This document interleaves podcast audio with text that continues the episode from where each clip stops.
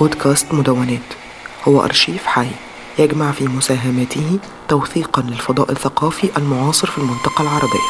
سلسلة البدائل. التطور في الموسيقى اليمنية من الطربي إلى الآر بي من إعداد صادق الحارسي. مرحبا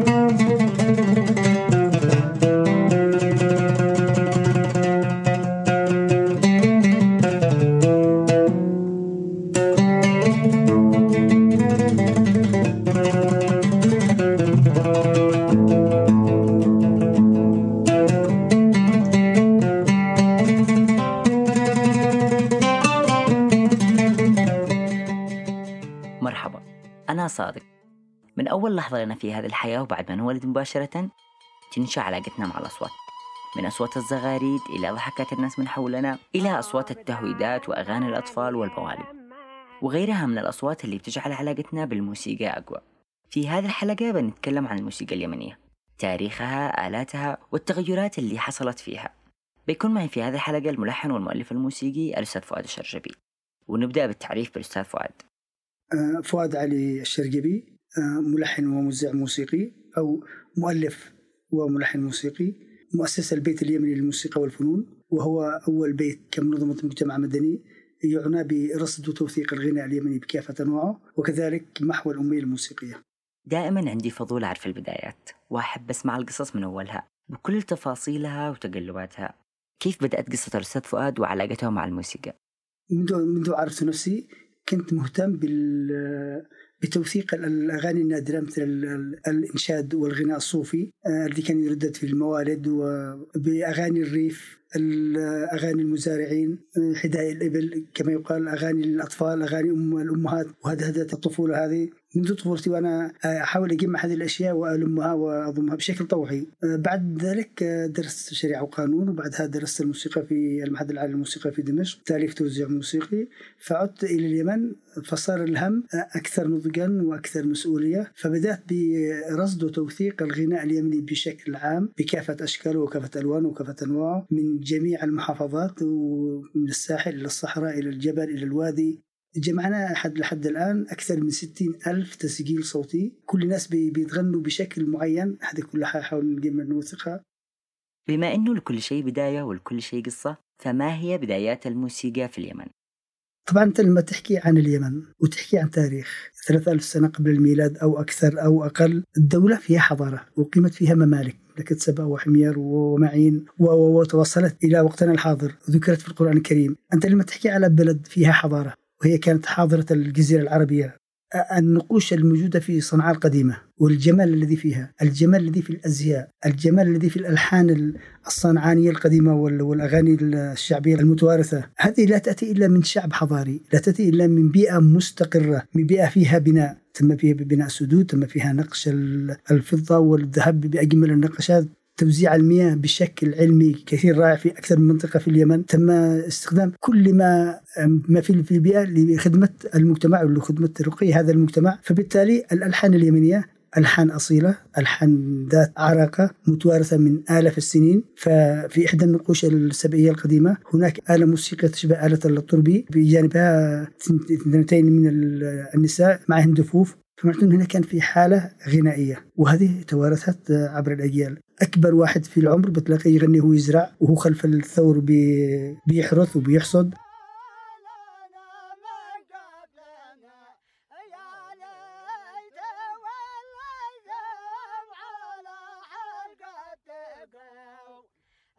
هذا الشيء جبلنا عليه وموجود جزء من ثقافتنا وجزء من وعينا كإنسان آه، ربي أعطاه هذه الملكة في تذوق الجمال وفي تذوق ال... وفي منح الجمال أيضا للآخرين. الآلات الموسيقية كثيرة لكن أيش الآلات اليمنية اللي كان يعزف بها اليمني القديم؟ سواء في أفراحه أو أغانيه أو حفلاته وتفردت بها الحضارة اليمنية عن غيرها من الحضارات. العود ال- الطربي العود اليمني القديم ما يسمى الطربي في صنعاء ويسمى في بعض المناطق الجنوبية القنبوس زي حضرموت والمهرة وعمان أيضا يسموه القنبوس. هذا عبارة عن آلة تنحت من قطعة واحدة آه، ويصنع دائما من شجر الطنب. يؤخذ يقطع في مرحلة معينة ويتم تجفيفه بشكل معين وثم يبدأ النحت على هذه الجذع حق الشجرة بعد أن تقسم إلى نصفين بحذر وبتأني وبحرفية آه، وبشكل أيضا فيه انسيابية آه، متناغمة وفيها نسبة وتناسب. هذا أيضا هذا بيعطي تجويف جدا مميز يتم غطاؤه بجلد الحيوانات الصغيرة ويتم تلوينه أحيانا من أجل الجمال. ثم يربط عليه الاربع الأوتار. كانت في زمان الأوتار تؤخذ من امعاء الماعز. الآن تطورت اصبحوا يأخذوه أوتار صارت في الأوتار البلاستيكية أو أوتار العود أو أوتار آلة القانون. في هذه المرحلة هي تتناسب مع هذه مع آلة القنبوس فتعطي نغم مميز وشكل مميز. فأنا أجزم بأن آلة القنبوس هي الآلة الوحيدة في العالم المصنوعة من قطعة واحدة فقط. مصنوعة من أدوات بيئية 100% كمان حتى الريش اللي يعزف فيها عادة يأخذ من ريش النسر كلنا لما بنعزف على القنبوس نأخذ ريشة النسر ونبدأ العزف عليها ويتم تجميعها من أكثر من مكان.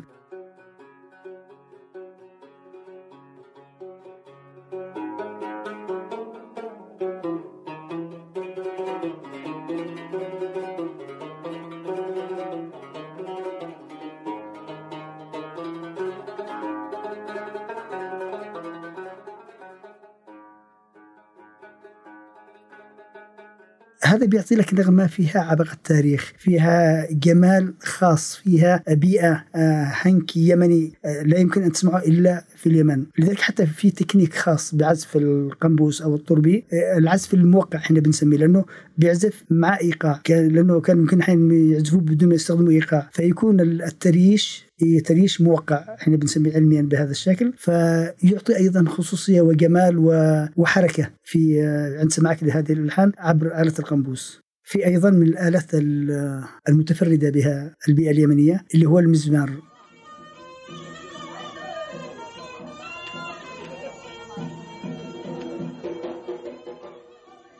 المزمار أبو القصبتين. هذا المزمار صوته ونغماته وكل تفاصيله لا توجد في أي مكان آه، في العالم. يوجد مثلا في الشام ما يسمى المجوز عبارة عن نايين قريبين من بعض أو في مصر أيضا موجود المزمار بس عبارة عن قصبة واحدة. لكن يختلف النغمة ودوزان الآلة والشكل العام للجو اللي بتعطيها هذه النغمة. فمثلا في المزمار اليمني هناك قصبتان توزن يتم وزنهما بشكل مختلف قليل. يعني دوزان جزء من التون يكون مختلف في إحدى القصبتين ليعطي مساحة عريضة أكثر هكذا مش هرموني لكن شكل خاص يمني. لا يمكن أن تجده في أي في أي آلة مزمار موجودة في العالم. بنلاحظ أنه بسبب موقع اليمن الجغرافي تأثرت ثقافة المجتمعات اليمنية وأثرت في ثقافة مجتمعات أخرى في مختلف الأزمنة سواء كانت دول الجوار أو حتى أفريقيا ودول شرق آسيا. بفعل الهجرات وغيرها أه، هل حصل تأثير على الموسيقى اليمنية؟ آه طبعا لما نحكي عن تاريخ الموسيقى اليمنية وتأثيرها بالآخر وتأثير الآخر بها طبعا إحنا على ساحل البحر الأحمر إحنا مرتبطين بأفريقيا ومن الطبيعي أن يصير تبادل ثقافات بين آه، مناطق الساحل. فهناك مجموعة من الإيقاعات التهامية أو في ساحل البحر الأحمر يوجد شبيه لها في مناطق أفريقية على الساحل. فهناك تداخل ربما جزء من وجود الأحباش في اليمن في مرحلة من التاريخ أو جزء من تبادل الثقافات عبر التجارة البحرية فأكيد بيكون هناك في تلقح في الثقافات. فمجموعة في إيقاعات تهامية حقيقة هي موجودة في أفريقيا آه، سواء كانت لهم أو كانت لنا فنحن شركاء في في, في هذا الحس الجميل أو الخلق الجميل الإيقاعي. آه، نجي في البحر العربي على سبيل المثال في حضرموت. آه، هنا كانت في كثير من الهجرات بتذهب إلى الهند صار في تبادل الثقافات فجاءنا محمد جمعة خان بمجموعة من الألحان اليمنية ذات النكهة الهندية آه، وصارت مزيج بين العربي واليمني والهندي بكلمات لغة عربية فصحى بالإيقاعات آه، هندية بلحن وأداء يمني مميز فخلقت جو آخر من ألوان الغناء.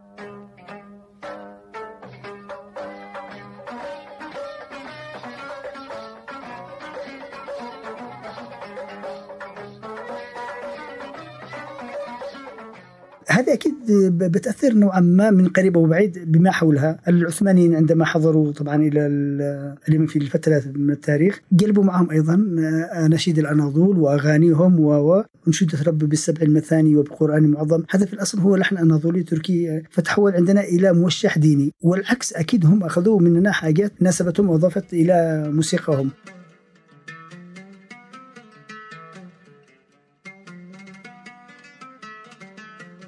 الموسيقى هو إرث إنساني ولغة إنسانية يفهمها الجميع والكل يحس بها سواء فهم كلماتها أم لم يفهم الكلمات. فالإيقاع والنغمة والموسيقى والأداء المميز هذا يحرك المشاعر داخل أي إنسان ربي خلقه في هذه البسيطة. فمن الطبيعي أنه يتفاعل معها بشكل إيجابي. فنحن أكيد تأثرنا بالغير وأثرنا بغيرنا لكن لا زالت لدينا بصمات منفردة. في أغاني في لحق في أغاني في حضرموت الأغنية الحضرمية الأغنية اللحقية الأغنية الصنعانية الأغنية اليافعية هذه أغاني لم تتأثر كثير بالغير ولكنها أثرت بما حولها من دول الخليج. فانتشرت هذه الأغاني في دول الخليج بالشكل الكبير ونتيجة لضعف الدور الإعلامي والثقافي والفني في جميع الحكومة اليمنية السابقة واللاحقة فيما يبدو. هذا جعلت تراثنا معرضا للسرقة والمال السائب يعلم يشجع على السرقة بهذا المعنى. فكثير من الفنانين الخليجيين كانوا بيأخذوا الأغاني اليمنية كنوع من من التمرين لكي يصبح فنان لازم يغني يمني لأن الغناء اليمني كثير صعب وفيه إيقاعات ومقامات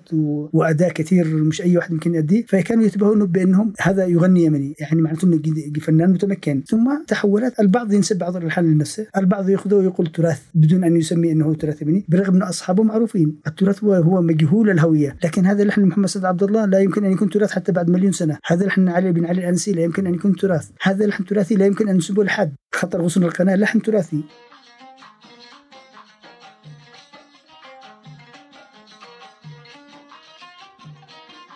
الآن يتطور فيه وقدمه بشكل كويس لكن لا يزال هو لحن تراثي يمني متداول من مئات السنين ومجهول نسبه لكن تراث يمني تراث مصري تراث مغربي يجب أن نسمي المسميات بحقيقتها. بما أن إحنا بنتكلم عن الموسيقى اليمنية وآلاتها ما هي البدائل والتطورات التي حدثت في الموسيقى اليمنية؟ وكيف وصلت إلى ما هي عليه اليوم؟ آه شوف الموسيقى اليمنية في البداية كانت عبارة عن أغاني يمنية تعزف بالعود وبالإيقاع فقط ويصاحبها أيضا أحيانا الصحن النحاس اللي يسمى الميمياء بيتم العزف عليه بأطراف الأصابع بشكل كثير جميل.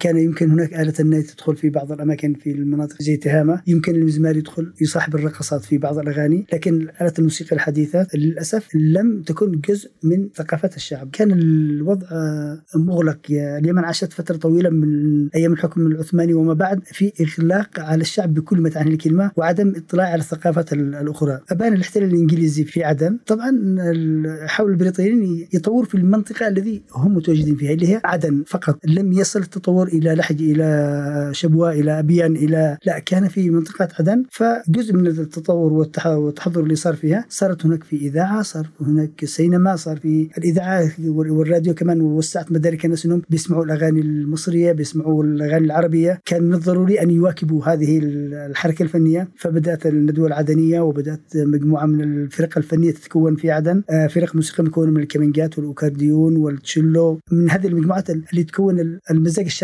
المصري بالدرجة الأولى أو اللبناني في تلك الفترة. فقدمت مجموعة من أجمل الألحان اليمنية فتفاعل معها كثير من الفنانين العرب فهد بلان غنى محمد عبدو غنى آه فايزة أحمد غنت. مجموعة من الفنانين كانوا بيغنوا ألحان يمنية بكامل شكلها ايقاعا وكلمات ولحنا. فريد الأطرش إجا زار آه عدن وقدم فيها فعالية والتقى بكثير من الفنانين. خليل محمد خليل في هذه الفترة آه بدأ يعمل اغنيه نظر من الشباك.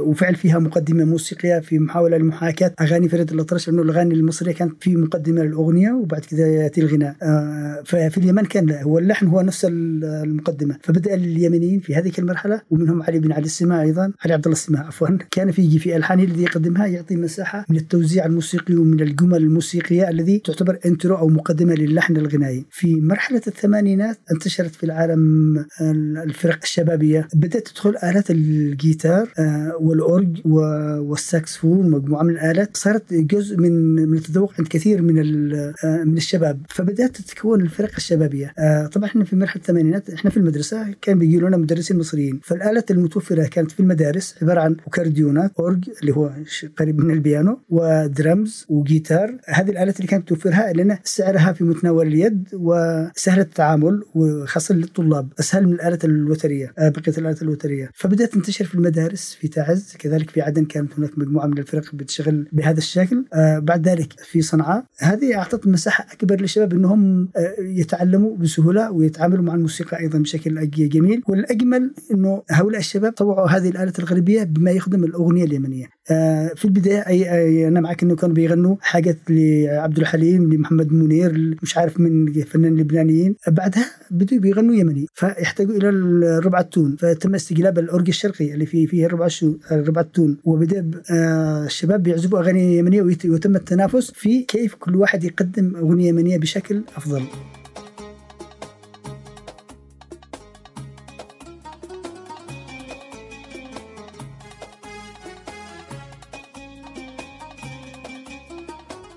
وفي رواد كثير من هذه في هذه المرحلة. تطورت المرحلة إلى العرس الأنصار الاورجي أيضا موجود في العرس. كان أحيانا فقط العود هو الموجود في صالة العرس.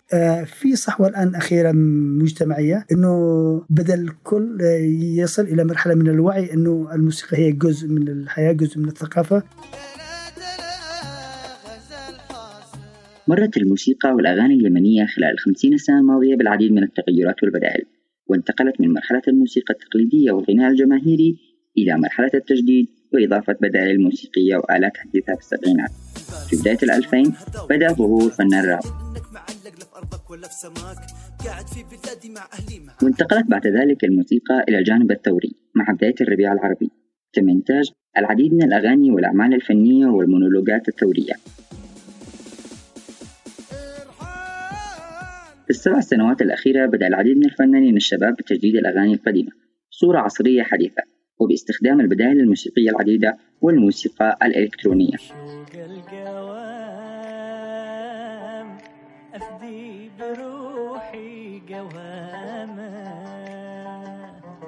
معي اليوم كمان إبراهيم النونو فنان مستقل وعازف جيتار. أنتج أول عمل فني له على style ال R&B خلونا نتعرف أكثر على إبراهيم وفن ال R&B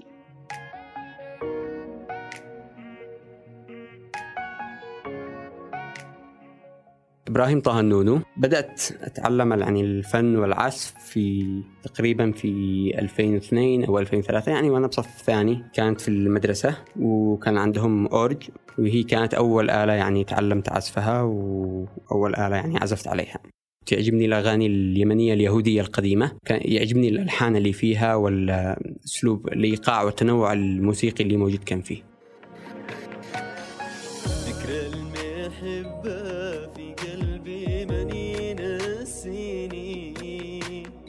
نوع الموسيقى اللي افضل إني أشتغل عليه أكثر هي الألوان الموسيقية الغربية زي ال hip hop ال pop ال soft rock ال R&B. بحاول أشتغل على إنه ما فيش يعني يمنيين بيشتغلوا أغاني بهذه الألوان بشكل كثير. وغير إنه هي تعتبر الترند والحاجة الرائجة الاغلب يعني بيميلوا إنه يسمعوا هذه الألوان الموسيقية حاليا.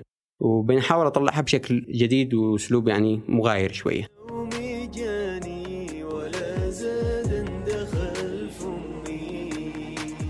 موضوع تجديد الأغاني اليمنية القديمة هو موضوع يعني كبير جدا وأنا مش بالمستوى العالي بحيث إني أقول أطلق على نفسي اسم مجدد في الأغاني اليمنية. لأنها يعني تتطلب أشياء كبيرة وفوق خبرتي. يعني ما وصلت لمرحله الخبرة إني أطلق على نفسي موضوع إني أجدد الأغاني القديمة. أنا فقط آخذ بعض الأغاني اضيفها لاعمالي وأخذ هذه الأغاني أغير فقط في اللون الموسيقي التوزيع حقها بحيث إني أظهرها بس بأسلوب أو اللون الموسيقي اللي أنا أحب يعني.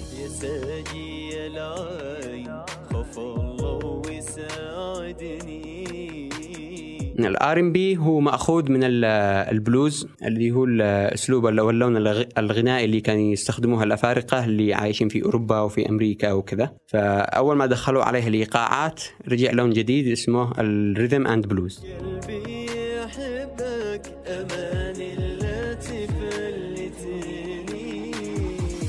أستخدم أنا يعني ثلاث أنواع من البدائل الموسيقية آه، يا أما يكون توزيع إلكتروني ببرامج أو keyboard وكذا أو يكون في آلات وعزف live مثل بعض الاحيان يكون جيتار أو عود أو بعض الإيقاعات ال live آه، والنوع النوع الثالث اللي هو ال a cappella اللي هو البيت بوكس آه، نغم غنائي بالفم. قبل ما أبدأ قبل ما يعني أخرج بأغنية ذكر المحبة بالأسلوب ال R&B كنت بديت أشتغل أنا ومهاد الشيخ على أغنية بلون اللي هو البوب.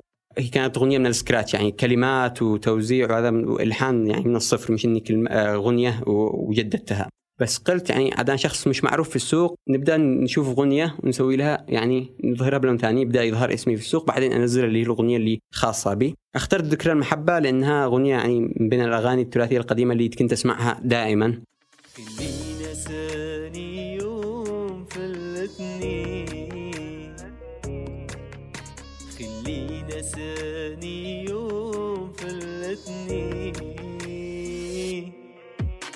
خلى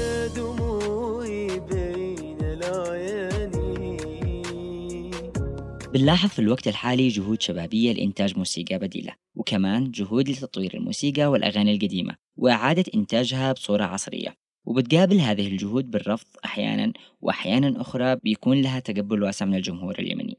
وكمان بنلاقي جهود لإعادة إحياء الآلات الموسيقية القديمة مثل العود اليمني أو ما يسمى بالقنبوس ومحاولة تقديم أعمال موسيقية عصرية باستخدام هذه الآلة.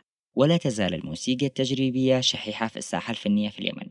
والأعمال الموسيقية فيها قليلة جدا. في اليمن نسمع كثير أصوات وكثير أغاني. الناس هنا مرتبطة بالموسيقى بشكل كبير في أعمالهم اليومية وفي أفراحهم وحتى في لحظات تعاستهم. فالموسيقى أسهل طريقة نقدر نعبر فيها عن مشاعرنا بدون أي كلام.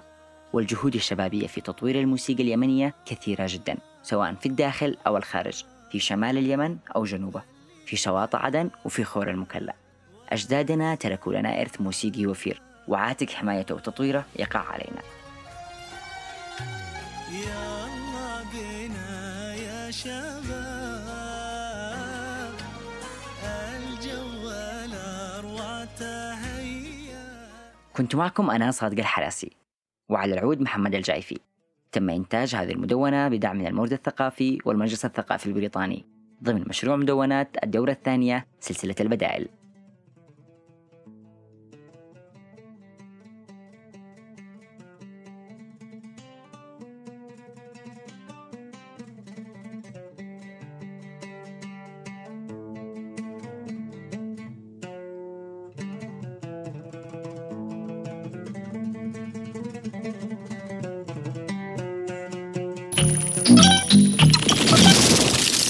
هذه الحلقة من مشروع مدونات هي من إنتاج المورد الثقافي والمجلس الثقافي البريطاني. محتوى هذا البودكاست لا يعبر بالضرورة عن رؤية أو أفكار أي من المؤسستين.